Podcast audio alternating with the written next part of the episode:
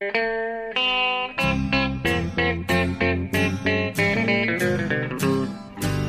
out there, we're on the air. It's hockey night tonight. Tension grows, the whistle blows, and the puck goes down the ice. The goalie jumps and the players bump, and the fans all go insane. Someone roars, Bobby scores at the good old hockey game.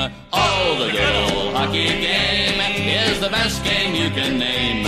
And the best game you can name is the good old hockey Då så allihopa, då har vi kommit fram till det 35 avsnittet av NHL-podden och eh, efter två inledande avsnitt den här säsongen när vi har snackat upp och gått igenom alla lag så är vi faktiskt igång nu och det känns ju underbart och det känns ju lika underbart såklart att eh, hälsa Per Bjurman på plats i Manhattan välkommen till ytterligare ett avsnitt. Hur är läget? Tack, det är bra. Jag bara saknar en sak. Ja. Eh, Det här, det här avsnittet inleddes ju utan ett Hallå, hallå, hallå, hallå. Hallå, hallå, hallå, hallå. jag Ja. jag glömde bort det den här gången. Ja, det Eh. Det är min image höll jag på att säga. Ja, det känns inte bra. Det får jag ta igen till 36 avsnittet. Ja, men eh, nu fick vi med i alla fall på, på lite... Ja. Jag var tvungen. Ja. du kompenserar lite där. Hur är läget Bjurman? Match Hemma i Stockholm. Ja, ja, ja men det är bra. Det är bra. Det är mitt uppe i arbetsdagen här faktiskt. Så att det, snart ska jag sätta tänderna i Hockeyallsvenskan. Det är ju inte riktigt samma grej, men hockey i alla fall. Ja. Eh, Jag har suttit uppe hela natten och sett på NHL och fick bevittna mitt Tampa Bay gå och vinna med 7-1. Jag är fortfarande Ja. lyrisk. ja, jag såg den matchen också. Det var ju en eh, väldigt bra match från, från Tampas sida. Ja, och från Victor Hedmans sida. Verkligen. Ja, vi, vi ska snacka lite svenska backar då. Vi, vi gör så här, vi, vi är inte riktigt lika uppstyrda den här gången utan vi kommer att eh, gå igenom vad vi har tyckt varit positivt, vad vi är överraskade av hittills och även negativt överraskade av och vad vi förväntar oss mer av. Vad vi har för utropstecken och frågetecken och minustecken hittills de här inledande matcherna. Eh, Ja. Men eh, Och jag får försöka sluta... Eh, jag fick ett, det stod på Twitter igår att det var ett bra... Det förra avsnittet var bra var någon som skrev. Men, men som vanligt så stressar och stör Per Bjurman den briljante Jonathan Ekelind. Jag får försöka låta bli det. Ja, jag, jag har fått höra eh, liknande fall, eh, tvärtom. Att, eh, tur att Bjurman stoppar dig ibland för att det håller inte. Lite så. så att det, det, det, det är på på gott och ont det där. Ja, du, du har i alla fall ett fan där som tycker att jag bara stör och stressar dig. Ja, det känns ju, det känns ju bra det i alla fall. Ja, men du eh, Bjurman. Mm. Eh, jag, jag tänkte vi ska börja med bara för att eh, Ja, här i dagarna så, så kritade Jonas Brodin på ett, eh, ett rejält kontrakt alltså. Eh, 4,25 miljoner dollar totalt sett då, 180 miljoner kronor. En cap hit på nästan 4,2 miljoner dollar blir det. Ja, Eh, ganska saftigt kontrakt och eh, det är vi inte så vana att se av en så ung spelare att krita på för sex år direkt. Alltså, snacka om att Minnesota tror på Jonas Brodin. ja det gör de. Eh, Men eh, framförallt är det väl eh, lite okonventionellt så tillvida om man ser till hur andra i hans situation har gjort det på senare år. Eh, många har ju försökt få klämma fram ännu mer pengar i längden genom att, som du vet, skriva så kallade bridge-kontrakt. När, när Ja. entry level-kontraktet går ut så, så skriver man på ett eller två år eh, för att under den tiden göra sig helt oumbärlig och sen kunna kräva enorma kontrakt. Ja, precis.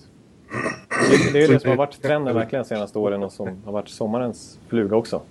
Med, Ja. Inte minst eh, det senaste fallet är väl ändå Ryan Johansson. Men vi såg även Tory Krug och Jaden Swartz bland annat som skrev på sent och det var ju typiska bridgeavtal. Ja. Och PK Subban var Ja. den som, som verkligen etablerade den här trenden. Och som kammar hem stålarna i efterhand också. Ja. Men eh, just med Bacon då, som han kallas, eh, Jonas Brodin.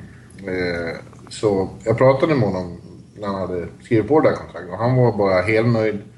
För, för honom var det viktiga att få vara kvar i Minnesota. Han var, så fort de hade kommit med det här kontraktet hade han känt att det här är perfekt. Och skrev på och blev kvar. Och det måste ju kännas väldigt bra för Minnesota också. Dels är det ju bra för dem. Det, cap-hitten där är ju ganska Anständig.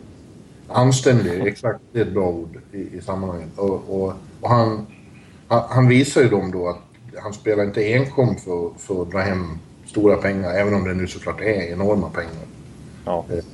för en Karlstad-pojk. Ja, precis. Just så som han, den rollen han har idag. Han, klart, han är ju, får ju lira mycket Brian Suter och så här, men han kanske, han kanske har några ytterligare kliv i sig så att säga. I sin utveckling kvar. Men, eh, så, så, det känns ju som att han har potential att ligga på en högre nivå än 4,2 miljoner dollar per säsong.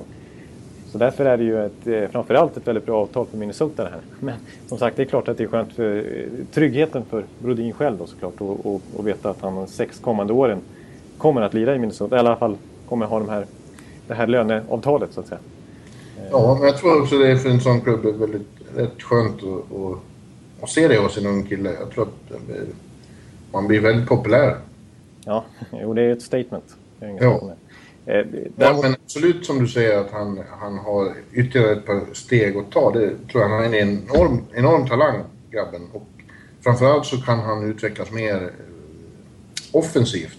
Mm. Så har han ju potential att bli en av de verkligt stora svenska NHL-backarna. Som vi har. Ja. ja det, det, det, finns ju några eh, fall, fast de har skrivit på för lite mer pengar ändå. Kanske lite mer namnkunniga spelare också men som har valt att teckna just sexårsavtal direkt efter entry level-dealen. Eh, John Tavares är ett exempel och Tyler Seguin, Jeff Skinner, eh, Adam Henrik som vi pratade om förra veckan. Eh, mm. Och i, i, deras fall så har det blivit, eh, i alla fall till exempel i Tavares fall så, så är det, jag menar, hade han skrivit ett bridgeavtal då hade han kanske haft en ny löneförhandling i den kommande sommaren. Och då hade han kunnat tjäna betydligt mer än de 5, någonting han sitter på just nu. Mm. Han hade kunnat vara uppe på kanske 10 miljoner dollar per säsong. Mm, ja, absolut. Men eh, ja, det är ju tryggheten också såklart. Att veta. Skriva långa kontrakt. och, och, eh, och i någon mån även så här status. Alltså Tavares är ju New York Islanders idag och eh, enormt stor bland fansen. Bland annat därför att han inte bara krama pengar ur en organisation som inte har så fruktansvärt mycket pengar jämförelsevis. Nej, precis. Ja. Och sen, sen är det lätt att sitta så här i efterhand och säga ja, Tavares, vilken fantastisk utveckling han har haft och han skulle kunna tjäna ännu mycket mer nu. Men det är svårt att, att, att räkna med två, tre år, fyra år framöver. Liksom, hur det, kommer. det kan komma skador, det kan komma formdippar och så vidare. Så att, eh, får man nästan 6 miljoner dollar per säsong i, i sex år framöver så är det kanske inte så svårt att sätta pennan, pennan på pappret. Kan man slå fast att ingen kommer att skriva några eh, protestsånger, folksånger om att de inte fick tillräckligt mycket pengar. Nej, det, det, det har jag svårt att se. Ryan Johansson kanske, men inte, inte Jonas Brodin. Det är, det är kort sagt synd om dem i vilket fall som helst. Nej, precis. ja, men Eh, Eh, Jonas Brodin är en svensk back som har lyckats otroligt bra. Vi sa ju Victor Hedman, men nu råkade vi droppa lite grann. Men det tycker jag har varit ett tema för den här första veckan. Alltså. Eh, vilken otroligt stor svensk backtalangpool vi sitter på. Och redan etablerade toppbackar i NHL alltså. Ja, vi kan ju ta Victor då från, från den här Tampa-matchen. Han, de har spelat tre matcher, han har gjort mål i samtliga och han har sammanlagt eh, samlat på sig sju poäng och gått upp i tidig ledning i poängligan, i sammanlagda poängligan. Och i den här Montreal-matchen har fyra poäng sammanlagt. Jag, jag, jag, jag, I något av de här avs, inledande avsnitten vi spelade in så, så pratade jag om det att eh, det gick rykten i Tampa om att han hade kommit till campen i, i rekordform.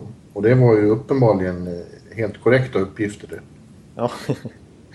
ja, alltså han ser ju... Jag måste säga, jag som är oundvikligen eh, titta på alla de här Tampa Bay-matcherna. Jag kan inte hålla mig borta. Eh, ja, alltså han ser ju otroligt bra ut. De har ju faktiskt spelat en match till i natt här innan det kommer ut avsnittet mot New Jersey. Vi får se hur det går då. Men ja. eh, han har ju spelat, alltså det är framförallt eh, poängproduktionen såklart. Han var uppe i 55 poäng förra året och nu är han redan i poängligan liksom. Eh, men eh, även defensivt tycker jag han, han tar liksom, det var ju en kritik som bland annat Mårts hade när han inte Eh, tog ut honom till OS-laget. Att han inte att han är för instabil i defensiv zon och att han har svårt att ta på sig stora roller. Vilket han får äta upp med alla ordentliga... Ja. Men alltså, jag, jag, jag, jag och, och, jag tror faktiskt att det faktum att han spelar med Anton Strålman nu som har varit otroligt stabil i de här inledande matcherna. Ja. Som dessutom är svensk, vilket kanske är en fördel, jag vet inte, på isen. Eh, det, det, det, det backparet är ju fruktansvärt bra. även han stod ju för en väldigt avgörande insats förmodligen i den där eh, Montreal-matchen. Det stod 2-1 och han hoppar in bakom ja. en Bishop och gör en benparad. Ja. Det, det var, gjorde han ju även här i, i New York några gånger. Ja, ja. Jävligt bra. Han är bra som extra målvakt Anton. Men framförallt är det nog som du säger, han är överhuvudtaget extremt stabil. Eh, och säkert jätteviktig för, för Viktor. Men, men alltså, man ser Viktor när han spelar med en enorm pondus och ett otroligt självförtroende ser man att han har. Ja. Annars slår man till exempel inte den här 40 meters passningen som, som, han skickar till eh, Steven Stamkos som kommer fri och gör ett av sina tre mål i den matchen. Ja. Det är en minimal lucka han ska pricka på 40 meter där. Sätter ja. den perfekt och Stamkos kommer fri och tar emot den perfekt. Och, ja. ja, vi fick lite ögonkontakt sa han när jag pratade med honom efteråt. Så, så försökte jag slå pucken så hårt som möjligt och det blev ju rätt snyggt han. Jaha, det kan man... ja, jag är lite avundsjuk att du har möjlighet att, att, att, att snacka med alla de här profilerna direkt efteråt alltså. Det är ja, det är mitt jobb Jonas. Ja, det är i och för sig ditt jobb också så det, det kanske inte är så konstigt. Nej, men... Sitta här och våndas på nätterna då när det har hänt så stora saker. Tänk om jag inte får tag i dem. Om de inte har tid att prata. Då blir det tråkigt. Nej, de har ju alltid tid för det. De ser Per Bjurman på telefonlistan. Vet du, då är ju... Jag önskar det alltid så, men rikt, riktigt hela tiden är det inte så. Nej. Ja, skitsamma. Ja. kul. Jag tycker det är väldigt kul för Viktor, för det är en väldigt bra kille också. Och eh, efter tråkigheterna där kring OS-uttagningen som jag tyckte var ganska i backspegeln riktigt ja. bedrövligt att han inte blev uttagen. Eh, så är det kul att det går Men som du säger, det är ju fler backar, svenska backar som har varit bra. Vi har han, Erik Karlsson såklart. Ja. Skriver direkt och eh, visar att han trivs utmärkt som kapten i, ja. i Ottawa. Han har inte tyngts någonting av den bördan eller det har inte varit någon börda för honom. Utan... Nej, han, de, eh, de slog ju då Florida igår i en mer tillknäppt match med 1-0. Han var ju i högsta grad inblandad där också. Gör en, en sån här forcering rakt över isen det ser ut som att han flyger fram. Ja. Eh, och det slutar med att de gör matchens enda mål. Ja. Men och... alltså, det är ju ingen överraskning. Men han har fått chansen äntligen att träna en hel sommar och fått upp eh, styrkan i, i sin skadade häl där igen. Ja, han har riktigt eh, blivit återställd efter den där. Han klagade på det förra säsongen också faktiskt. Att han eh, de facto eh, led av den skadan fortfarande. Ja, inte att det gör ont, men att han inte har eh, kraft. Att inte, inte liksom eh, samma klipp i skridskoåkningen menade han. Men att det skulle förmodligen eh, bli mycket bättre om han fick en så lång sommar och verkligen träna som han fick i år. Då. För sommaren innan hade han inte kunnat träna så mycket av samma anledning. Eh, det, då, då läkte det fortfarande. Så att, eh, eh, ja, han är, det är helt enkelt jätteeffektivt. Han är i Norris Trophy-form igen. Och Ottawa har ju börjat bättre än vad jag trodde i alla fall. Det har sett helt okej okay ut för dem. Ja, det måste jag verkligen säga. Eh, gjorde väl en helt okej okay premiärmatch mot Nashville och sen så eh, gick de ju stal poäng av Tampa Bay. Och sen så nu den här matchen mot eh, mot Florida där Craig Anderson höll nollan. Och Robin Lehner var ju otroligt bra även mot Tampa Bay vill jag verkligen påstå. Han gjorde 38-39 räddningar och sånt där. Eh, de, det kanske är det här Paul McLean-tänket igen nu när de är lite nedlagstippade igen. Jag vet inte. Ja, ja vi har ytterligare en, en, eh, svensk back out west som har börjat stabilt. Det är Oliver Ekman Larsson. Ja, sänkte ju mästaren här, här om natten. Ja, han, de hade, han och de i Arizona hade det tungt i premiären mot Winnipeg. Då var ja, just, just. Men de kom tillbaka starkt i matchen därpå mot Los Angeles Kings då. Och det slutade med att Oliver, Oliver avgjorde i Sande. Ja. Och eh, samma sak där, hans självförtroende och hans pondus sådana gånger. Väldigt imponerande. Ja, jag är faktiskt imponerad också. I Oliver Ekman, Ekman Larssons fall så har det kanske inte varit någon större kritik genom åren men Eh, Erik Karlsson i alla fall har ju fått kritik för sitt defensiva spel. Att det är det som gör att han eh, minst han inte är en back eh, av Norris kaliber. Men jag tycker faktiskt att han, både Ekman Larsson och Erik Karlsson, trots att de är ganska småväxta, är, är bra defensivt också nu alltså. Ja. Jag noterar här i inledningen att till exempel Erik Karlsson får mycket förtroende i defensiva situationer också. Han är liksom första back oavsett. Och han, alltså han, är, han är så pass slingrig och så pass smidig så att liksom han han, han, jag tycker inte han hamnar i liksom... Han blir inte söndertacklad hit och dit. Och han, var, han satte väl till och med en super open ice på eh, Ryan Callahan mot Tampa Bay. Så han kan ju tacklas själv nu för tiden också.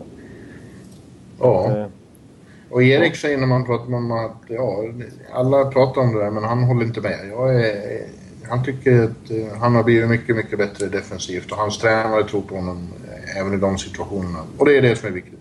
Ja.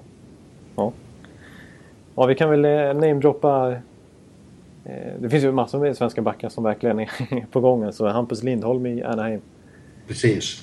Hade väl lite halvstökigt. Jag tänker på, fan, eh, om det blir ett OS 2018, eller ja, det blir i alla fall World Cup 2016. Vi, vi kommer att ha en väldigt eh, eh, tung backuppsättning alltså. Vi kommer att ha sådana här Kanada-problem liksom. Ja, precis. Vi har för många bra så det blir... Ja. Skulle kunna ställa upp med två eh, fullgoda backuppsättningar. Precis. Ja, det finns ta av. Och det ja. finns ju de som är lite äldre som fortfarande är ju inget fel på heller, som Kronwall och Hjalmarsson. Och... Ja, precis. Ja, verkligen. Hjalmarsson. Mm. Ja. jo, det ser bra ut. Nej, men... Eh, du, eh, ska vi eh, gå in på lite överlag lite utropstecken och frågetecken. Vi börjar med lite utropstecken. Vi, vi har sett ni hittills den här säsongen. Har du något ja, lag? Det, ja, inte, när vi spela in det här. Jag har, jag har gått i princip en vecka. Mm. Eh, sju dagar. Ja, och det har varit väldigt... Eh, ja, både roligt och eh, lite överraskningar och så. Vilken är din största positiva överraskning? Bortsett största... att Tampa är ännu bättre än vad du trodde. Ja, min största positiva överraskning? Ja... Eh, det, det, det, mm. Ska jag säga då, eftersom att jag ändå hyllade så pass stort Minnesota i förra veckans podd. Mm. Så vill jag ändå slå ett slag för dem igen alltså. Ja. Som de pulveriserade Colorado i de där dubbelmötet som de inledde säsongen med. Ja, de nollade Colorado två gånger om direkt. ja, och jag menar, det var ju, det var ju kassaskåpssäkra segrar dessutom. Alltså, det var ju... Ja, till och med de här Corsi-lirarna och Possession-gänget och Fancy Stats-bloggarna, de, de, kan ju, de hade ju, fick ju vatten på sig kvar i alla fall med tanke på hur extremt överlägsna de var i alla kategorier. Men spelmässigt var det bara att kika på matcherna så såg man ju att Minnesota är sjukt bra den här säsongen. Och ja. Darcy Kempes, alltså målvaktssidan som varit ett frågetecken, de släppte inte in ett enda mål. Å andra Nej. sidan hade han ju god hjälp då av eh, sådana som Jonas Brodin och Christian Folin. Och Ryan ja, Suter. Apropå talangfulla backar, vi har honom också. Ja, ja. ja nej, det är ju bara så att visst, vi har bara sett två matcher, men det, det, det, är ganska tydligt att de har tagit ytterligare ett steg. Som de har gjort varje säsong, Minnesota. Och därmed så är de ju faktiskt en contender i den ja. hårda väst... Eh, eh, Största västtitanen? Ja. ja jag, jag, såg en kommentar efter de där matcherna, Mike Geo efteråt, tränaren där. Att eh, när han svarade på frågan, när folk, eh, journalisterna där verkligen ställde här. Ni är ju en ni är ju en contender, visst är det så liksom? Och han sa bara ja, att han tycker definitivt att de är en legimit, legiti, legitim... Vad säger man? Legitimate. Ja, du kan säga legitim. Legitim kan jag säga också. legitim contender. Men att han är scared to death att de samtidigt missar slutspel. För att vi spelar i Western Conference där alla lag kan slå alla i princip. Ja. Ja, det, den, den bilden har ju bekräftats på en gång. Att det är bättre ute i väst. Eh, hårda bud. Ja. Vilka vill du hylla då? Ja, vi kan ta ett utropstecken. Det är ju ingen överraskning heller, men eh, Pittsburgh har inlett eh, väldigt övertygande. Ja. Eh, det har ju snabbt etablerats att eh, deras nya svensk där, Patrik Hörnqvist, har hamnat rätt. Det har blivit rätt för honom och det har blivit rätt för, för eh, Pittsburgh. Han spelar ju med, med Sidney Crosby och har ju i honom hittat en, en ljuvlig lekkamrat. Inte ja. helt oväntat. Alltså, det är en, en, en sån spelare som som han passar perfekt i den, en kedja där med Crosby och eh, Kunitz. Ja. Nej. Båda matcherna och flera assist och varit eh, eh, ja, väldigt bra. Ja, ja det, är, det är lite intressant med Hörnqvist tycker jag att han Ja, att, att, han är så pass eh, bra komplementspelare till stjärnor. Alltså, det, det, det, för det är en talang i sig också. Visst, man kan tycka att alla spelare blir bra tillsammans med Sidney Crosby. Men liksom Patrik Hörnqvist har ju haft en enorm förmåga genom sin karriär att verkligen leverera så fort han får chansen med storspelare. Alltså, eh, Bäckström i landslaget och så minns vi till och med från Djurgården när han öste in mål eh, bredvid Fredrik Bremberg. Ja. Och, ja, alltså har ju den spelstilen ofta att han är, som vi har varit inne på flera gånger, han är ju en mini Thomas Holmström. Ja. Han är alltid framme vid de, nu är i och för sig de mål han har gjort här med Pittsburgh har ju varit utifrån i, ja. i, i, slottet och på, på en konstig retur var det väl också. Ja. Men, men rent generellt så är det ju just att han alltid är framme vid, eh, och bökar vid målet och tar stryk och, och, och får in väldigt mycket sådana här fula returer. Ja, och för ett lag som, som eh, eller för en kedja eller en spelare som, som skapar så mycket då, så blir det ju väldigt mycket sånt runt målet. Ja, ja. Eh, kan man vända på det så här också att eh, Hörnqvist har, har stor del i Sidney Crosbys eh, nytändning, eller vad man ska säga. han, han vann ju poängligan förra året också så det är svårt att prata om nytändning, men han gjorde ett svagt slutspel. Men eh, han ser ju ut som världens bästa spelare så här långt. Ja, jag vet inte om man törs tillskriva det till Hörnqvist-effekten riktigt. Nej, även om de verkar trivas ihop. Det har, det har blivit en väldigt bra kedja. Men, men Crosby har sett oerhört eh, bra ut de två första matcherna de har spelat. Inspirerande. Ja, han är helt skadefri och eh, har väl uttryckt att eh, fortfarande... Det som hände i slutspelet senast har varit liksom... Är svidigt och gjort honom revanschsugen. Nu ska de verkligen spela bra. Men jag har pratat med Hörnqvist också. Han, säger eh, ju att eh, för honom är det väldigt enkelt att spela med, med Crosby. Det, för att han får så mycket ytor. Eh, inte helt oväntat, eller inte helt oförståeligt, så, så drar ju Crosby på sig rätt mycket ja. uppmärksamhet från motståndarnas backar, vilket gör att kedjekamraterna får eh, mer utrymme, andra ytor än de får i andra sammanhang. Ja, egentligen är ju Kunitz ganska lik Hörnqvist i spelstilen tycker jag också. Det, ja. Han är också en, eh, lite av en bökare och liksom fysisk i spelstilen. Och väldigt skickligt målskytt och har ett grymt handledsskott. Ja. Det... och, i och, med att det har, och i och med att det har klaffat så bra på en gång så får ju eh, Hörnqvist själv och hela kedjan självförtroende. Och det måste kännas väldigt skönt att det, att det, att det sitter så direkt i en, i en ny klubb 70 poäng på Hörnqvist den här säsongen, vad säger du då? Ja, eh, som vi också påpekat till, han, han gjorde en säsong 30 eh, mål och har varit kring det, det, den noteringen flera gånger i Nashville. Ja, med betydligt beskedligare omgivning. Så att eh, får han fortsätta i det här sällskapet och det får, då, då ser det ut som över 40 mål. Ja. Det gör ju det. Det är ingenting att skratta åt. Nej, nej, nej. Det är bara sant. Det är bara sant. Ja, jo, det är, jag håller med. Jag kan inte säga emot det ens. Nej, jag tror faktiskt han kommer ösa en poäng den här säsongen. Det är, det är, inte bara på grund av att det har rullat på här inledningsvis. Alltså, det, är, det är så mycket som stämmer där. Alltså. Ja. Eh, så att, eh, och eh, man får ändå säga att Mike Johnston har gjort, gjort det bra. Alltså, det märks ju att det är ett snabbare och rakare lag också, Pittsburgh nu. Precis. Det är grym fart på det. Också kan, det tror jag kan spela in väldigt mycket för Crosby också, att han tycker om att spela, spela hockeyn de får spela nu. Ja. Det passar honom alldeles utmärkt.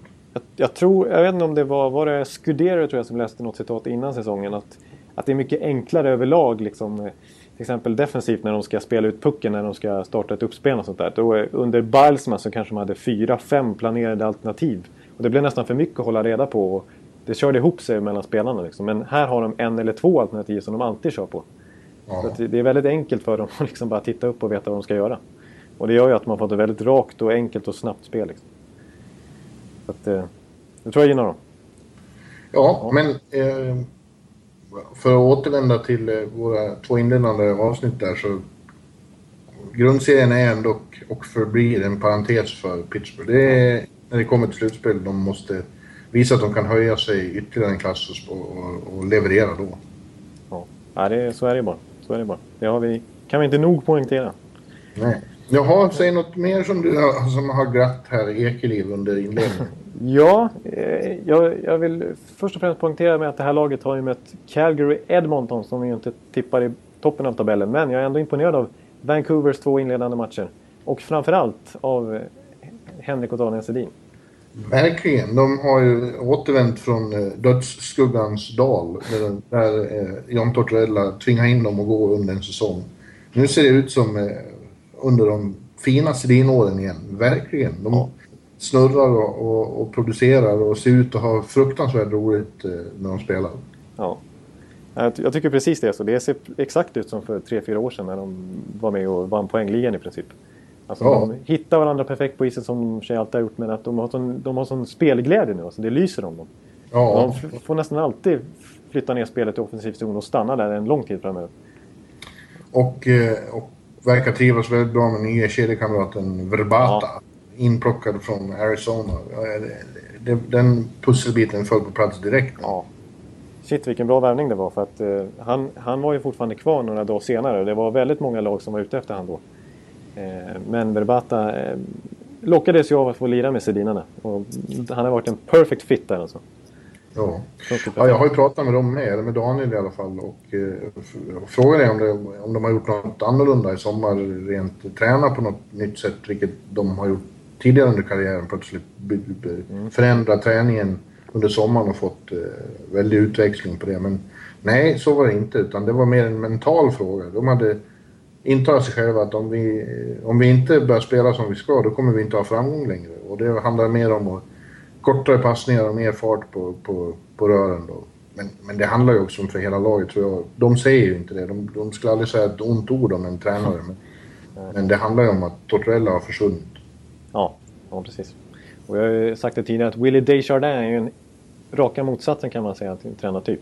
Det är ju ingen det är i alla fall en offensiv coach. Det är ingen, ingen som sätter på livremmar och hängslen och allt vad Nej, och skapar en, en betydligt trevligare arbetsmiljö för alla där. Ja. Och han använder inte Sedinarna i eh, boxplay på samma sätt som Tortorella gjorde faktiskt. Nej, han, han har ju, även om de nu säger att det är kul att spela alla situationer så måste man ju hushålla med dem. Ja. Och det har ju, det har ju den här mannen visat att han förstår. Ja, det, det kommer inte hålla 82 omgångar och spela 25 minuter per match. Liksom. Nej, Utan, exakt. Jag tror det, mot eh, Edmonton där tror jag att de hade nästan, nästan 8 minuter speltid i eh, powerplay faktiskt. Och omkring 20 sekunder i boxplay. Och, och powerplay, kom, det poängterar han också, det kändes väldigt bra och var viktigt för deras självförtroende att de får utdelning direkt i powerplay. För det, det dog ju också i fjol. Ja, ja så var det faktiskt. Du, har du något mer lag du vill eh, eller spelar. Ja, här i New York är det ju två lag som har eh, gjort starkt intryck i öppningen. Det är både Islanders och eh, New Jersey Devils. Eh, ja. Islanders då har i och för sig bara spelat, när vi, när vi talar så har de bara haft ett dubbelmöte med Carolina som ju ser väldigt svaga ut. Ja. Men ändå. Eh, det har, de har imponerat och, och det har direkt eh, den här traden när de fick dit Johnny Boychuk och Nick Leddy. Och framförallt Boychuk har varit väldigt bra i de här två matcherna. Ja. Och snabbt, snabbt visat att det blev en uppgradering av, av backbesättningen med den traden. Ja. Ja, när vi sms-konverserade någon natt här så skojade du lite och skrev att eh, Boy, Boychuk Norris. Eller något sånt där. Ja, uh, skulle de ge ut en Norris efter första veckan så skulle de nominerade vara Boydchuck, eh, Victor Hedman och eh, Oliver kanske. Ja, ja det, nej, alltså, sällan har man sett en trade ge sån enorm effekt direkt. För att, eh, Islanders ser ju fruktansvärt bra ut. Och eh, Boychuk inte minst då, som gör öst in poäng. Men även eh, John Tavares ser ju riktigt bra ut. Jag tror faktiskt att Tavares kan komma upp i... Ja, jag tror han kan gå över 100 poängsgränsen Ja, man får vara hel och det fortsätter så här så absolut så, så är han på väg mot eh, snudd på eh, Crosby-nivåer. Faktiskt. Ja, ja, alltså. Men, och så har de, vad heter han, Brock Nelson. Precis, Brock Nelson har ju varit ett riktigt utropstecken alltså. Han, det, alltså, det, han är ju, han, innan Hedman tog över titeln där så, så, så var det ju Brock Nelson som hade mest poäng efter två spelade matcher. Sex ja. pinnar direkt. Ja. Eh, han, han, har ju varit väldigt eh, omtyckt, en doldis liksom för en breda NHL-publiken i allra högsta grad. Men han har ju varit någon säsong åtminstone nu i, i Islanders tidigare och, och, han är väldigt omtyckt av fansen. De har ju alltid sett eh, stor potential i honom. Ja, han är bara 22 år än. Ja. ja, precis som många Islanders-spelare. Alltså, de, de har ju haft så mycket bra forwards som har visat framfötterna på campen. Så att en sån som Anders Lee som gjorde stort intryck i slutet av förra säsongen. Han får inte ens plats nu. Han sitter väl på läktaren tror jag. Eh, det finns ju massor av uh, ung talang där alltså i Kyle Posen som också fortfarande är ung. Och, ja, vad heter de allihopa? De har ju... Ja. ja det ska bli intressant att se. När, vi spelar in det här så... så eh, senare idag så ska jag gå upp på Garden för då är det säsongens första derby mellan Rangers och Islanders. Så det ska bli jättespännande spännande att se dem. Så här, första veckan så är de bäst i stan. Ja. Sorry. Absolut. Eh, men om man ska räkna in New Jersey i stan också då så är kon konkurrensen framförallt från Devils då, som har ju som sagt också inlett eh, det är en stor överraskning. Deras stora problem förra året var att de inte kunde göra mål. Nej. Men det har de verkligen kunnat de två första matcherna. De har eh, ju varit en, en, en off, ett offensivt powerhouse. Ja. Och gjort... Eh, de har gjort... Det, det är de, den, mest, den största poäng, målskörd de har haft på de två inledande matcherna sedan säsongen 91-92. Ja. ja, det, det är ju rätt sjukt. Och det tror jag framförallt är att en mental propp går ur direkt eh, efter de problem de hade i fjol. Ja. Så måste kännas väldigt skönt för hela laget att det plötsligt bara allting går in. Ja, det var ju helt... Eh, alltså menar, inte minst ja, Philadelphia-matchen i, i premiären där när de... Eh, det blev 6-4, det bara rasslade in målen. Men även mot Florida på bortaplan. Här, senast de lirade vi spelade in i alla fall, där det, bara, det var väl 4-0 efter första perioden eller någonting. Ja. De gjorde fyra mål på tio skotten och sånt där. Men eh, en, en, sak som är... Det, det är ju ett ålderstiget och väldigt rutinerat lag det här. Eh, men det har inneburit att, nu kan man ju inte klaga för det har gått bra utan dem. Men det är lite synd att eh, både Adam Larsson och Jakob Josefsson får sitta på läktaren och bevittna detta. Adam Larsson var lite förvånande för han hade en bra försäsong och eh, trodde nog att äntligen skulle han ha chansen att etablera sig och var ju extremt besviken när han vart petad i premiären. Ja, det är värsta petningen jag varit med om. Alltså. Ja. Och jag kan ju tycka att det är tråkigt också, lika för, för Josefsson som alltid får sitta på läktaren. Att, eh, det känns som, vad fan kan de inte få chansen någon annanstans? Ja, det känns nästan lite, lite, inte hopplöst ska jag säga, men lite så ändå för båda två. Det känns som att de, så länge De Boer tränar där så, så ska det väldigt mycket till. För då ska de prestera extremt mycket när de väl får chansen sina 6-7 minuter. Ja. När de väl får spela och det, det är ju inte troligt att de lyckas övertyga så mycket på, med de minuterna. Nej, de, de har hamnat i någon slags limbo här. Det är väldigt tråkigt. Ja, och Larsson, Larsson alltså, han, man trodde verkligen eh, att, han skulle ta, att han skulle få chansen den här säsongen med tanke på att de tappade både Mark Fein och köpte ut Volchenkov i somras ja. och inte direkt har förstärkt backsidan med nyförvärv. Utan det är ju unga, ännu yngre killar än Larsson som har klivit in där och, och tagit över rollerna. Så ser balansen ut som du sa. Det är ett ålderstiget lag, men framförallt är det ålderstiget på forwardsidan. Medan de har eh, mycket unga backar. Det det ser på pappret lite konstigt ut för att vara ett New Jersey Devils just. Och, ja. ännu konstigare ser det ut då när de plötsligt öser in så mycket mål eftersom det framförallt alltid har varit eh, den defensiva kraften i NHL. Ja. ja. ja du, vad, tror du att New Jersey kan, eh, till och med kan vinna Metropolitan eller? Eller är det bara... Eller? Ja, alltså jag, när vi tippade här om veckan så, så sa jag det att jag tror att de är underskattade och eh, har en väldigt bra chans att gå till slutspel i alla fall. Huruvida de vinner Metropolitan, eh, det låter jag vara osagt. Där har vi Pittsburgh som sagt. Ja, det är klart. Ja. Jo, jag håller med dig. Camilleri har ju jämförts med Zach Parisi redan nu i New Jersey. Ja, och ja, det var ju han som eh, framförallt eh, skulle bryta den här... Eh, Måltorkan. Måltorkan, ja. Och eh, det är väl inte... Han har gjort, han har gjort ett mål, va? Bra. Ja, åtminstone ett mål. Ska vi dubbelkolla det? Ja. Han kanske gjort ja. ännu mer i natt här i och för sig. Ja, precis. Ja, hur som helst. ja. Även om han inte har eh, öst in mål själv så, så, så, är det en... Det är uppenbart att det har hjälpt till att lösa upp de här eh, knutarna. knutarna. Ja. ja. Ja, jag, jag vill gå in på ett lag till innan vi kanske är lite mer negativa här. Mm. Tre mål har det, står det att eh, Camilleri har gjort. Ja, det oj. Ja. Han är mål. Så, så det har ju hjälpt både, både direkt och kanske indirekt ja, att han ja. till Newark. Ja. Eh, jag, vill, jag vill även eh, ett lag som du har sett på plats. Det är Nashville. Ja. Med Laviolette eh, bakom spakarna nu för tiden. Mm. Det har sett bra ut va? Ja, eh, det har framförallt sett bra ut så till att de har eh, visat att, två gånger om att de eh, inte låter sig bekymras av att hamna i underlägen. De har kommit tillbaks från, eh, från underlägen, eh, vänt och vunnit två gånger om. Ja. Eh, väldigt positivt. Och, och, och, ja, jag var i Nashville en match. Jag var ju framförallt där för att se Filip Forsberg som också gjorde starkt intryck på mig. Ja. Det har blivit en, det har blivit en eh, riktig NHL-spelare nu, så är det bara. De sa ju det att det var en eh, pojk som lämnade oss i, i våras och en man som kom tillbaka. Så jag fick verkligen samma intryck. Dels att han har blivit, blivit en saftig bit. Han har verkligen tränat upp sig. Ja. Eh, men han får, han, får också, han får spela mycket och han får använda sin kreativitet och, och, och slår enastående passningar till sina lagkamrater. Ja. Han har ju tre assist redan. Ja, Och, skapa, skapa och, och, och ser ut att ha... Han har stort självförtroende på isen. Ja, det, är, det är kul faktiskt att han redan direkt eh, liksom får topp 6 minuter och är med i powerplay hela tiden och sådär. Alltså, Ja. Att Laviolette verkligen har bestämt sig för att tro på honom och det har gett effekt direkt så att det är ju inget snack om att han kommer förbli en nyckelspelare för Nashville den här säsongen.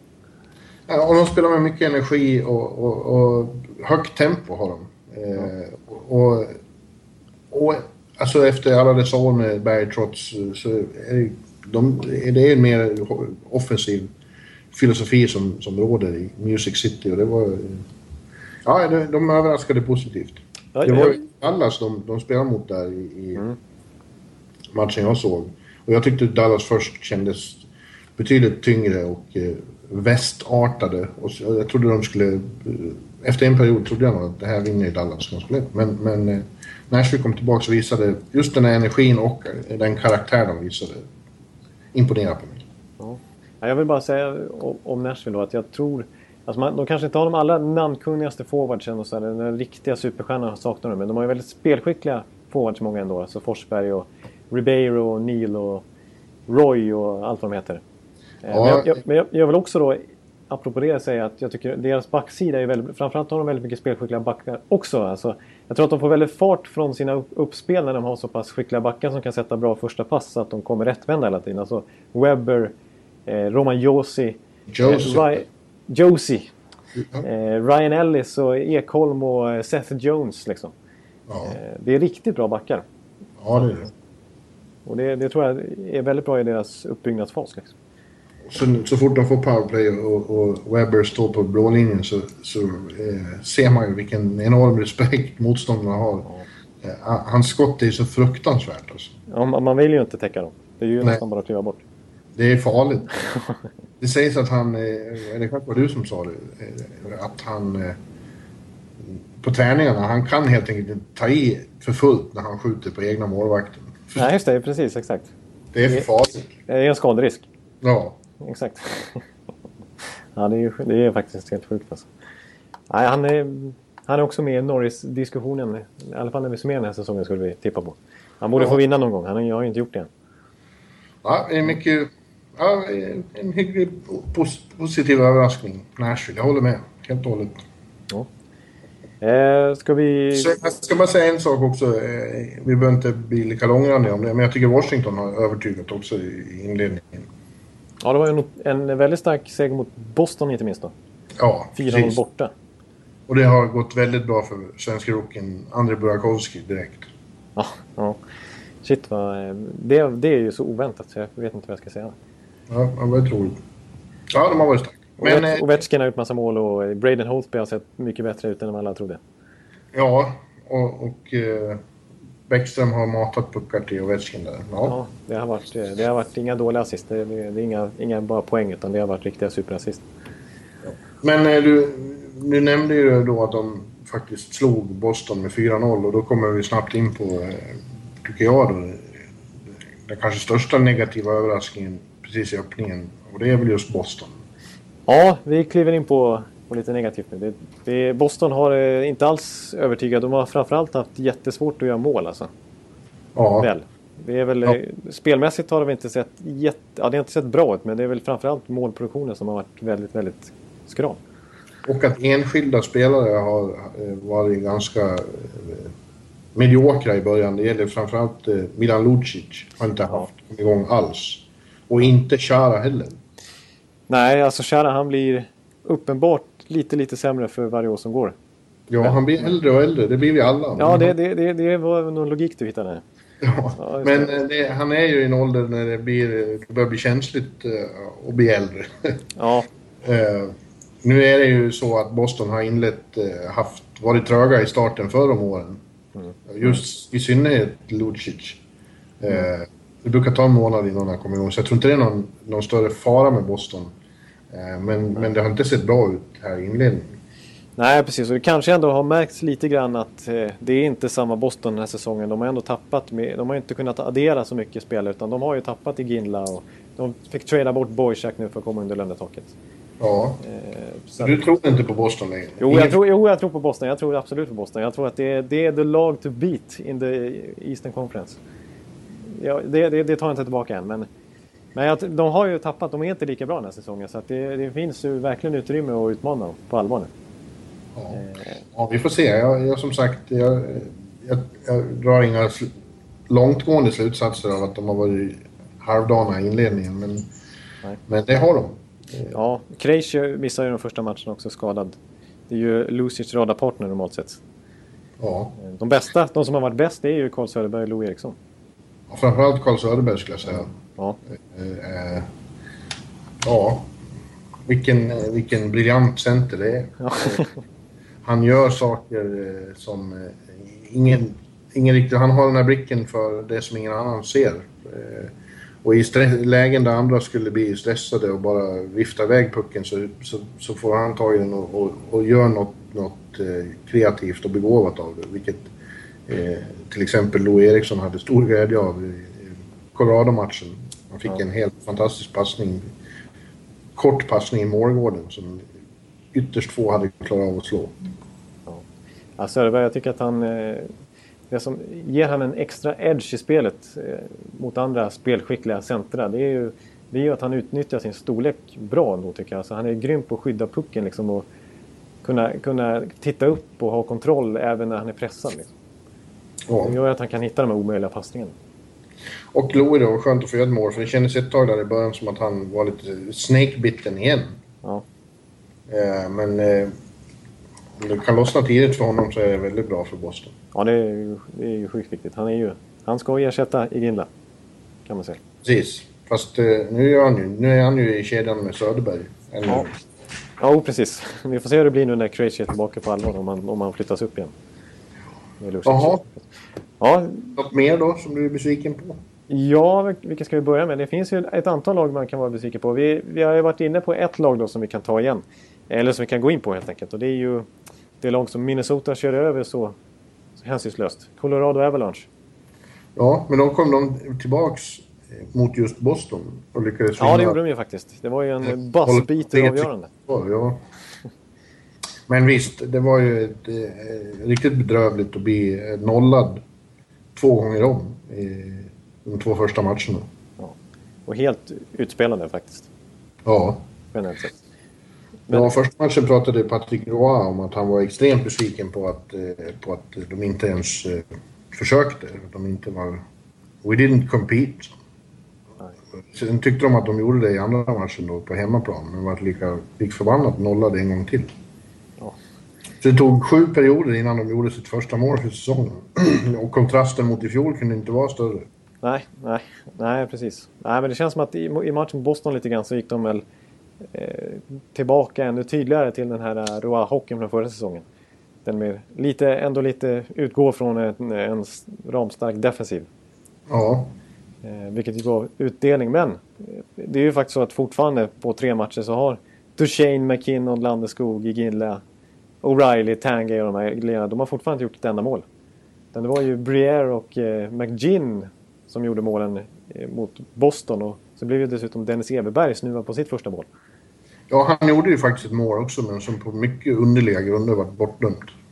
Ja, jag hängde inte riktigt med det. Var det för hög klubba? Eller var det ja, det sa att det var en hög klubba. Och som någon skrev på min blogg, det var den lägsta högsta klubba någonsin sett. Ja ja, det var ju konstigt. Men det, det, det, det är de här eh, lite... Nu, ska, nu är jag taskig mot eh, Dennis Everberg här. Han fick faktiskt lira i första kedjan till och från i den matchen. Men lite marginalspelarna som har klivit fram hittills för Colorado. De här eh, stjärnorna som tjänar mest, de har, de, de har mycket, mycket kvar att bevisa. Jag är besviken på McKinnon som jag har mitt fantasylag. Alltså. Han gör ju ingenting. Ja. Nej. Nej. Jag tror... Eh, det, det, här, det händer ju då, som vi var inne på eh, i, under eh, säsongsgenomgången, eller vår preview, att eh, lag som har sån framgång, överraskande framgång som de hade i fjol, att det blir, kan ofta bli en sophomore slump. Nu tror jag att de kommer att bli mycket bättre än så här, men, men eh, lika jublande eh, jubel och klangföreställning som i fjol blir det nog inte. Nej. Och framförallt är ju motståndarna är medvetna om att det är ett bra lag, så det blir de... Ja, det är inte samma överraskningsmoment. Överraskar någon, nej. Och vi var inne på det lite grann i genomgången förra veckan där att vi hade... Det fanns en risk att de faktiskt kan trilla ur slutspelen den här säsongen. Så vi hade dem... Det, ja. det, det blir tajtare i alla fall. Nu när Vancouver ser bättre ut. Och... Ja, det blir det. Mm. det blir... Ja. ja. Har du mer lag eller? Ja, jag, jag, är lite förbryllad över, eller kanske inte, men, men lite negativt överraskad är, har ju varit Rangers också.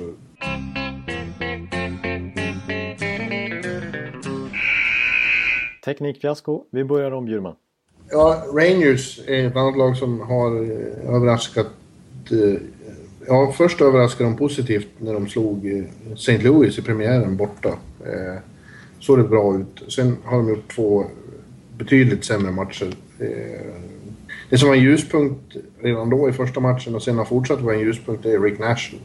Ja. Eh, han var riktigt bra och har fortsatt vara bra och gör mål på de lägen han inte gjorde mål på förra säsongen. Och, och det är ett väldigt bra tecken för Rangers. Om, om han eh, om han blir den han var när han var som bäst i Columbus, då, då är mycket vunnet. Men det är annat som... Eh, eller ja, eh, jag tycker bara jag har fått bekräftat vad jag, vad jag sa förra säsongen. Att det är ett lag, det är en trupp utan mycket till djup. Och när nu eh, första centern Derek Stepan saknas, Dan Boyle gick sönder i första matchen och, och så Zuccarello också. Då har de, de har inga som kan kliva in och, och fylla de tomrummen. Nej, det är i alla fall... Nej, precis. Inte som är liksom kanske fullvärdiga top 6-spelare i alla fall. Det finns ju spännande namn ändå med typ Kevin Hayes och eh, Ja, men de är... Miller och så här. Och Duclair ja. har väl gjort det ganska bra ändå i början här, men... Det har varit riktigt positiv överraskning också. Men eh, på backsidan är det väldigt tunnsått. Eh, men Hanwick har... känns ju inte som en NHL-back tycker jag. Nej, och Vigneault var ju bekymrad över det efter campen att eh, ingen av de här backarna de hade tagit in eh, höll riktig NHL-klass. Eh, och jag tyckte det var tydligt, eh, framförallt i hemmapremiären mot Toronto som var ett riktigt magplask. Eh, de fick stryk med 6-3.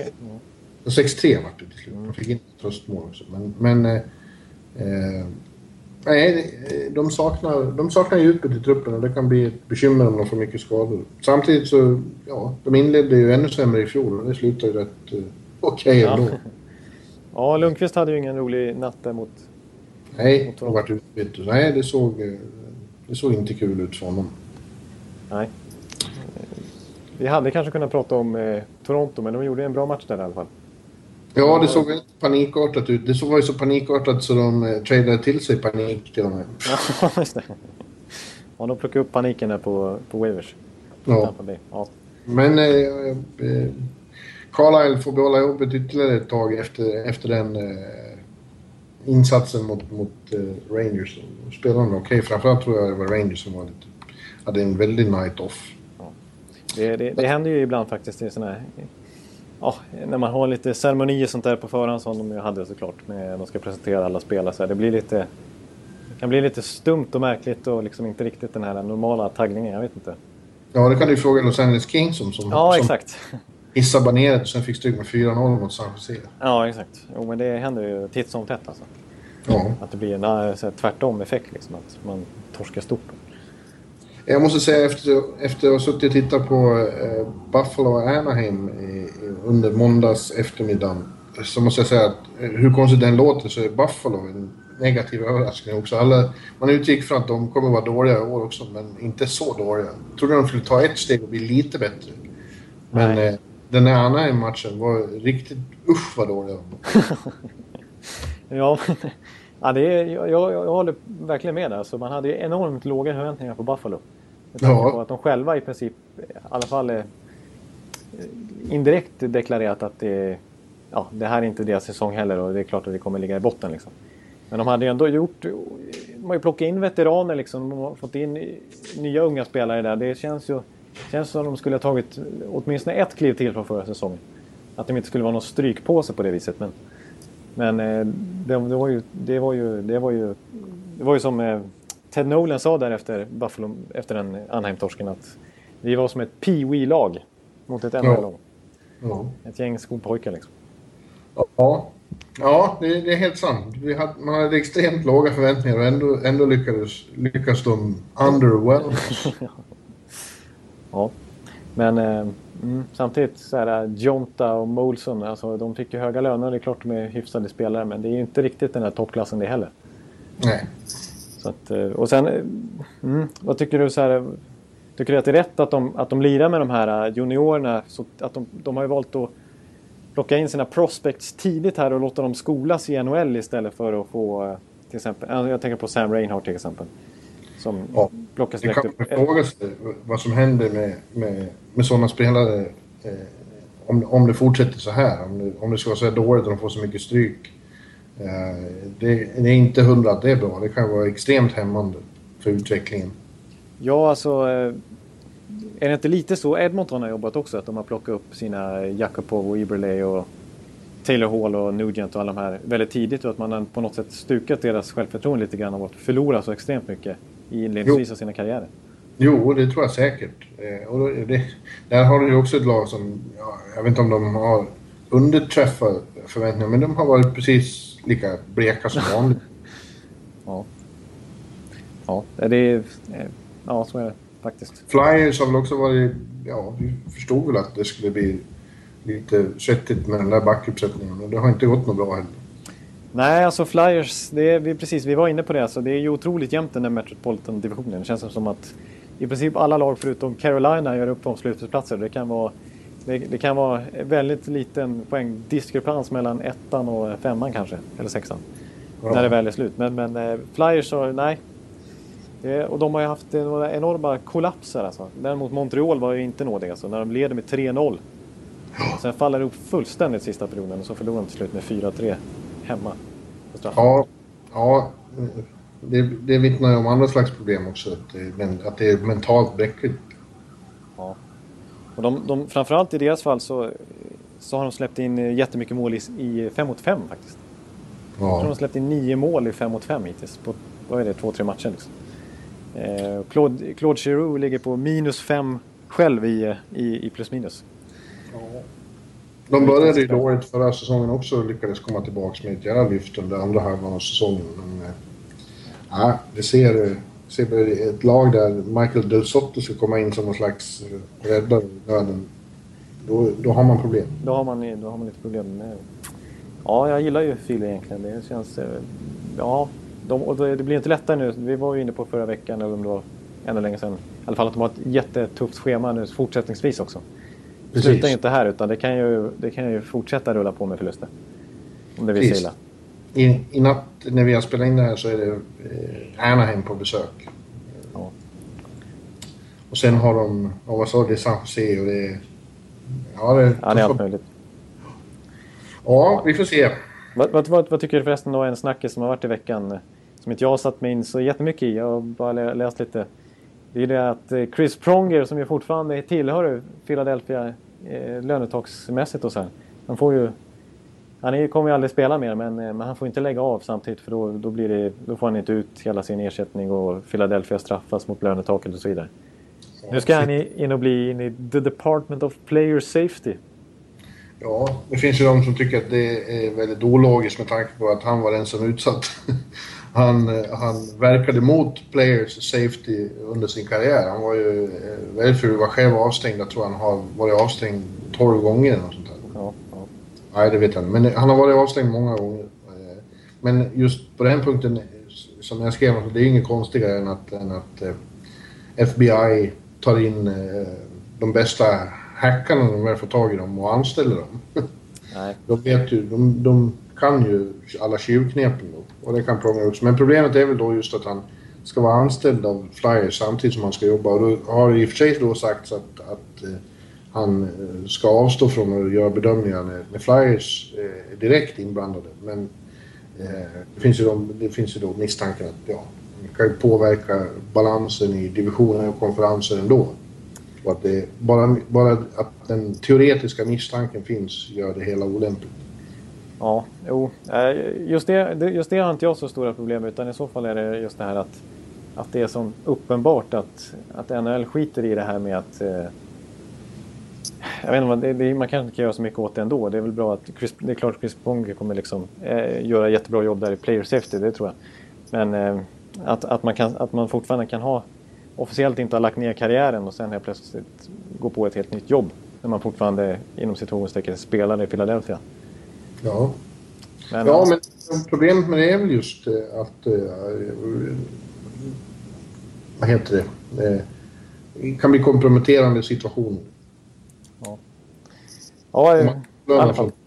Det är inte bra. Nej. ja.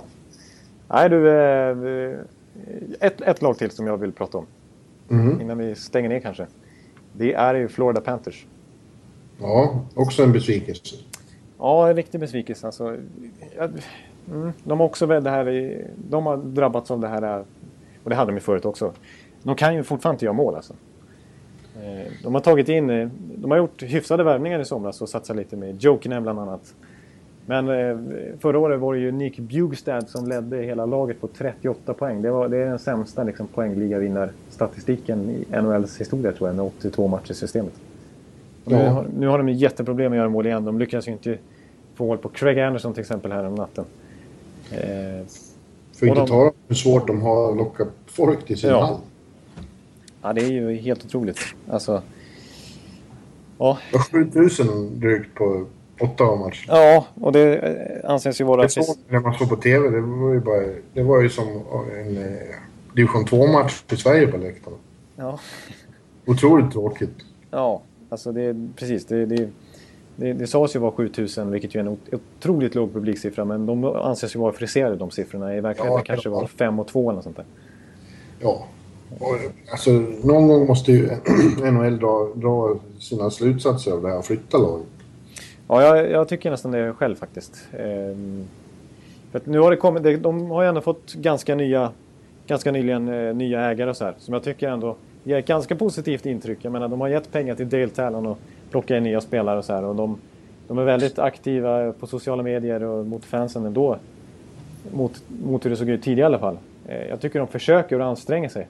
Annars har de ju fått väldigt mycket kritik för att Florida har skötts på ett uselt sätt managementmässigt. Men jag tycker den här ledningen ändå verkligen försöker men det blir otacksamt när det kommer 7000 på, på och dessutom bara 11 000 i hemmapremiären. Alltså 11 000 på en hemmapremiär tror jag är det sämsta siffran i det moderna NHL också. Ja, och sen är det en massa så promotions. Man får biljetter, man får biljetter om man köper lotter och sånt här. Ja, just det. Ja. Nej, det... Jag, jag, det kan nog... Det, alltså, skulle jag få bestämma... Det, jag har respekt för Florida och det finns ju de har ju trogna fans de också. De som väl kom dit var ju såklart trogna. Ja. Och det, vi vet ju att det, det, har varit drag i Florida förut. Inte minst när de gick till Stanley Cup-final. Men det var ju 18 år sedan. Ja, men när de gick till för ett par år sedan då kom ju folk igen och kastade åttor på isen. Ja, precis. Och det finns ju, det finns ju, en, det finns ju ändå lite tradition där. Och i, i Tampa så är det ju fullsatt hela tiden. Så det är inte kört i Florida liksom att få hockeypublik. Men Nej, men det, det hör ju till saken också att eh, Tampas hall till exempel ligger ja. mitt i stan. Ja. Eh, I centrum. Medan, medan eh, den nere där, den ligger, de säger att de tillhör Fort Lauderdale men den ligger långt ute på, i träsken utanför Fort Lauderdale. Det är inte bara så att man går genom stan och säger nu går vi på hockey. Utan det måste planeras och köras ut dit. Ja. Det, det tror jag faktiskt är, är bidragande också. Alltså, undrar vad skulle, som skulle hända om, om de lirade mitt i Miami där, i Miami Heats hemmaarena. Ja, Där, Ja, där, det skulle vara jävligt mycket roligare på många sätt. Jag skulle, då skulle jag vara där ofta. ja, då skulle det bli ännu bättre bortaresa. Precis. Ja. Nej, du, eh, jag, och så vill jag säga också att jag tycker det är lite konstigt det här med att de fortsätter att satsa på, på, på det är fortfarande mycket speltid på sådana som Fleischmann och Brad Boys och eh, eh, Kopecki och allt vad de heter. Alltså jag tycker att de har ju, de har ju massor med talang. Alltså Trocheck, Vincent Trocheck, Brandon Peary, Rocco Grimaldi har ju inte bara ett bra namn liksom. Jag, jag tycker, eh, ge dem chansen nu. Det funkar ändå inte med Fleischmann och gänget. Nej, och eh, än så länge så... Mina teorier om att det skulle funka igen för Talon med alla dessa nya beståndsdelar och smälta ihop till ett eh, effektivt lag, det har inte slagit ut än i alla fall. Nej, vi ska inte döma dem än precis. Eh, Vi, vi trodde ju båda själva att det skulle bli en betydligt bättre säsong för Florida nu. Jo. Men eh, jag undrar, jag undrar till exempel bara vad en sån som Aaron Ekblad kommer när han åkte på bortamatcher i, mot London Knights. Då var det så här 9-10 000 på läktarna. Nu spelar han NHL och spelar hemma med Florida för, inför 7 000. Ja. Ja. Är, ja. eh, Han får glädjas åt att de åker på roligare bortamatcher. Ja, det, det får han göra.